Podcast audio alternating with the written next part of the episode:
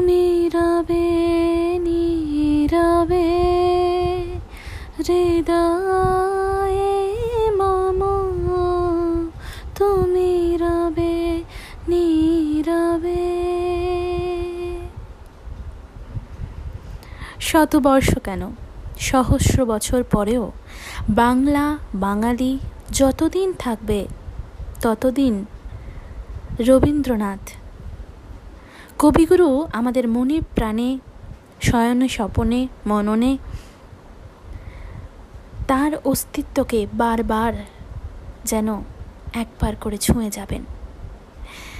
রবীন্দ্রনাথ তার সাহিত্য, তার গান, তার লেখায়, তার ছন্দে থাকবে প্রতিটা বাঙালির মনে প্রাণে। বাঙালির জন্ম যেন আজই ছোট থেকে যেমন অন্য ভগবানের পুজো হতে দেখেছি, তেমনি পঁচিশে বৈশাখ মানেই আমার রবি ঠাকুরের জন্মদিন। কখনো গানে, কখনো নাচে, কখনো কবিতার ছন্দে বারবার উদযাপন করেছি তার জন্মদিনকে। আর আজ তাই খোলা চিঠির আড্ডায় চারিদিকে যখন এতটা মর্মস্পর্শী, ভয়ঙ্কর অবস্থা, তার মধ্যেও আমাদের আজকের এই বিশেষ উপস্থাপনার মধ্য দিয়ে মনে হলো একটু ভালো বা একটু মন খারাপকে ভোলা যাবে। কারণ রবীন্দ্রনাথ মানেই তো প্রেম, রবীন্দ্রনাথ মানেই ভালো লাগা, রবীন্দ্রনাথ মানেই ভালো গান, নাটক সুর, সবটাই ভালো। আমি তোমায় পূজায় পাইনি যে ডাক, আজ পঁচিশে বৈশাখ। একশো উনষাটতম জন্মদিনে কবিগুরু রবীন্দ্রনাথ ঠাকুরকে আমরা খোলা চিঠির পক্ষ থেকে জানাই অনেক অনেক শ্রদ্ধা। এদিন যেন বারবার ফিরে আসুক। প্রতিটা বাঙালির মনে, প্রাণে, প্রতিটা বাঙালির জীবনে। এই আশা নিয়ে শুরু করছি আজকের অনুষ্ঠান। আর আজকের অনুষ্ঠানে আমি একা নয়, আমার সাথে তোমরাও কখনো গেয়েছো? কখনো কবিতা পাঠ করেছ? তাই আশা করি আজকের খোলা চিঠির আটটা অনুষ্ঠান, পর্ব, যাই বলো না কেন, তোমাদের খুব প্রিয় হয়ে থাকবে। ঠিক কবিগুরুর মতো।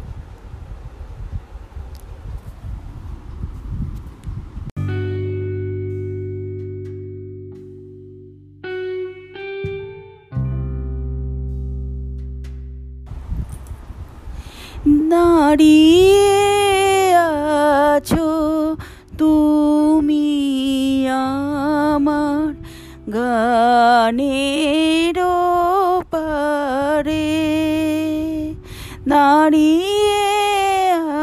আছো তুমি আমার গানের পারে আমার সুরগুলি পাই চর আমি পাইনে তোমারে। দাঁড়িয়ে আছো তুমি গানের পারে।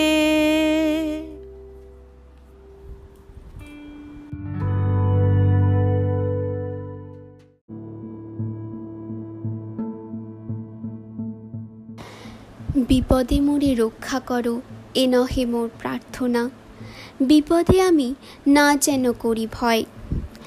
দুঃখ তাপে ব্যথিত চিতে নাই বা দিলে সান্ত্বনা, দুঃখে যেন করিতে পারি জয়। সহায় মোর না যদি জোটে, নিজের বল না যেন টুটে। সংসারিতে ঘটিলে ক্ষতি, লোভিলে শুধু বঞ্চনা।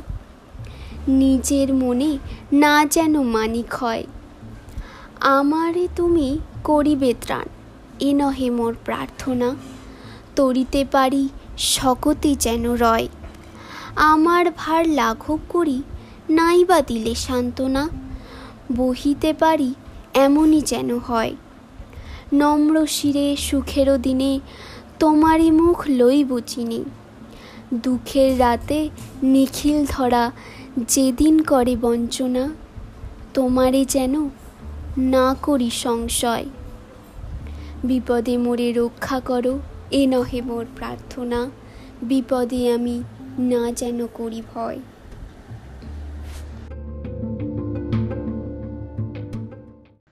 নমস্কার, আমি স্নেহা ভট্টাচার্য। আজকে গোটা বিশ্ববাসীর কাছে একটি খুব গুরুত্বপূর্ণ দিন। কারণ এই দিনেই ঠিক একশো উনষাট বছর আগে রবীন্দ্রনাথ জন্মগ্রহণ করেছিলেন। আজকে তার একশো উনষাটতম জন্মশতবার্ষিকী। আমি তাকে আমার অন্তরের সশ্রদ্ধ প্রণাম জানিয়ে আমার একটি ছোট্ট নিবেদন জানাচ্ছি। আমারও পরানো যাহা চাই, তুমি তাই তুমি তাই গো। আমারও পরানো যাহা চাই, তোমা ছাড়াই জগতে মোর কেহ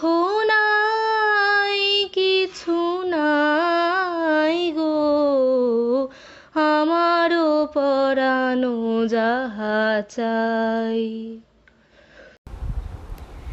আজি হতে শত বর্ষ পরে কে তুমি পড়িছ বসি, আমার কবিতা খানি কৌতূহল ভরে।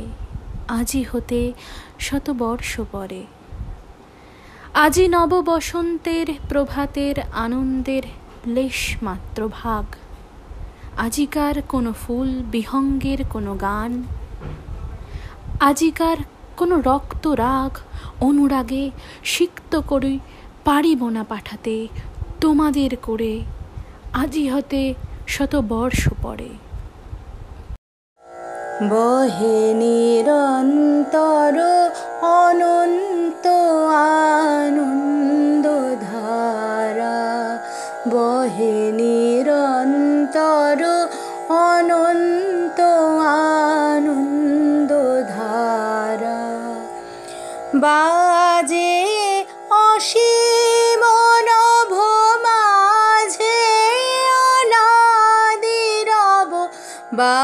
বাজে অসীম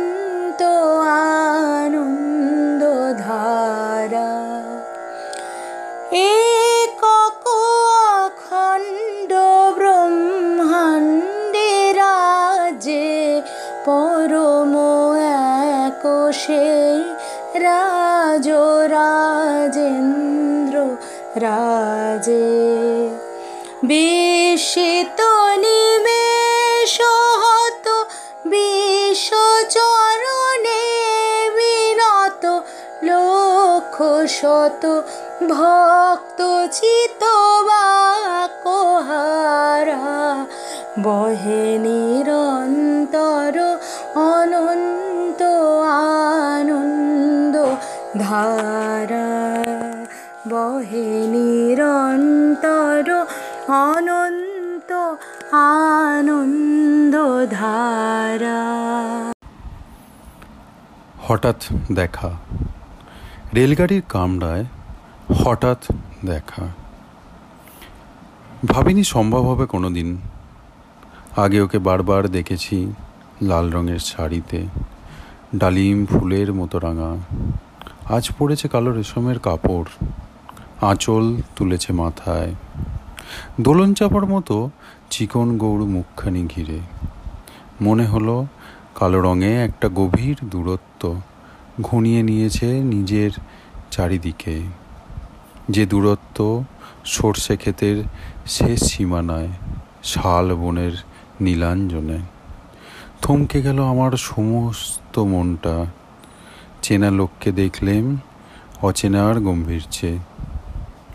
হঠাৎ খবরের কাগজ ফেলে দিয়ে আমাকে করলে নমস্কার। সমাজবিধির পথ গেল খুলে। আলাপ করলেম শুরু। কেমন আছো? কেমন চলছে সংসার? ইত্যাদি।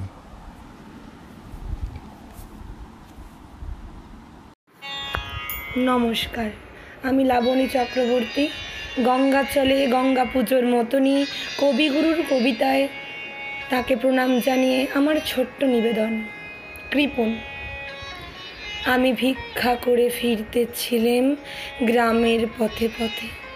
তখন তুমি চলেছিলে তোমার স্বর্ণরথে। অপূর্ব এক স্বপ্ন সম লাগতে ছিল চোখে মম। কি বিচিত্র শোভা তোমার, কি বিচিত্র সাজ। আমি মনে ভাবতেছিলাম এ কোন মহারাজ? আজি শুভক্ষণে রাত পোহালো, ভেবেছিলেম তবে আজ আমারে দাঁড়ে দাঁড়ে ঘুরিতে নাহি হবে। বাহির হতে নাহি হতে কাহার দেখা পেলেম পথে, চলিতে রথ ধন ধান্য ছড়াইবে দুই ধারে। মুঠা মুঠা কুড়িয়ে নেব নেব ভারে ভারে। দেখি সহসা রথ থেমে গেল আমার কাছে এসে। আমার মুখপানে যে নামলে তুমি হেসে। দেখে মুখের প্রসন্নতা জুড়িয়ে গেল সকল ব্যথা। হেনকালে কিসের লাগি? তুমি অকস্মাৎ আমায় কিছু দাও গো। বলে বাড়িয়ে দিলে হাত, মরিয়ে কি কথা রাজা ধীরাজ? আমায় দাও গো কিছু। শুনে ক্ষণকালের পরে রইনু মাথা নিচু। তোমার কি বা অভাব আছে এই ভিখারি ভিক্ষুকের কাছে? এ কেবল কৌতুকের বসে আমায় প্রবঞ্চনা। ঝুলি হতে দিলেম তুলে একটি ছোট্ট কণা। যবে পাত্রখানি ঘরে এনে উজাড় করি। একে ভিক্ষা মাঝে একটি ছোট সোনার কোনা দেখি। দিলেম যা রাজ ভিকারি রে, স্বর্ণ হয়ে এলো ফিরে। তখন কাঁদি চোখের জলে, তুতি নয়ন ভরে, তোমায় কেন দিনি আমার সকল শূন্য করে?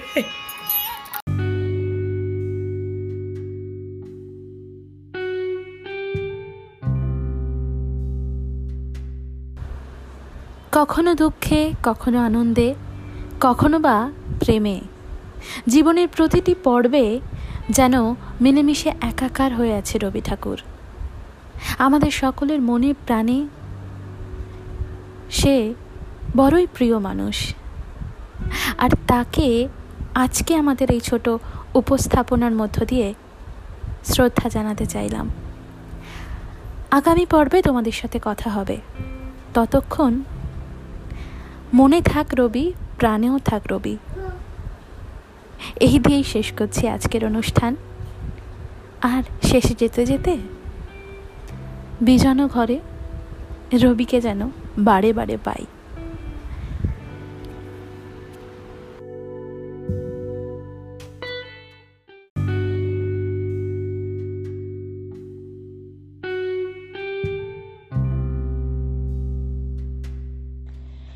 আজি বিজন ঘরে নিষিদ্ধ রাতে আসবে যদি শূন্য হাতে। আমি তাইতে কি ভয় মানি জানি? জানি বন্ধু জানি তোমার। আছে তো হাত খানি আজি বিজন ঘরে।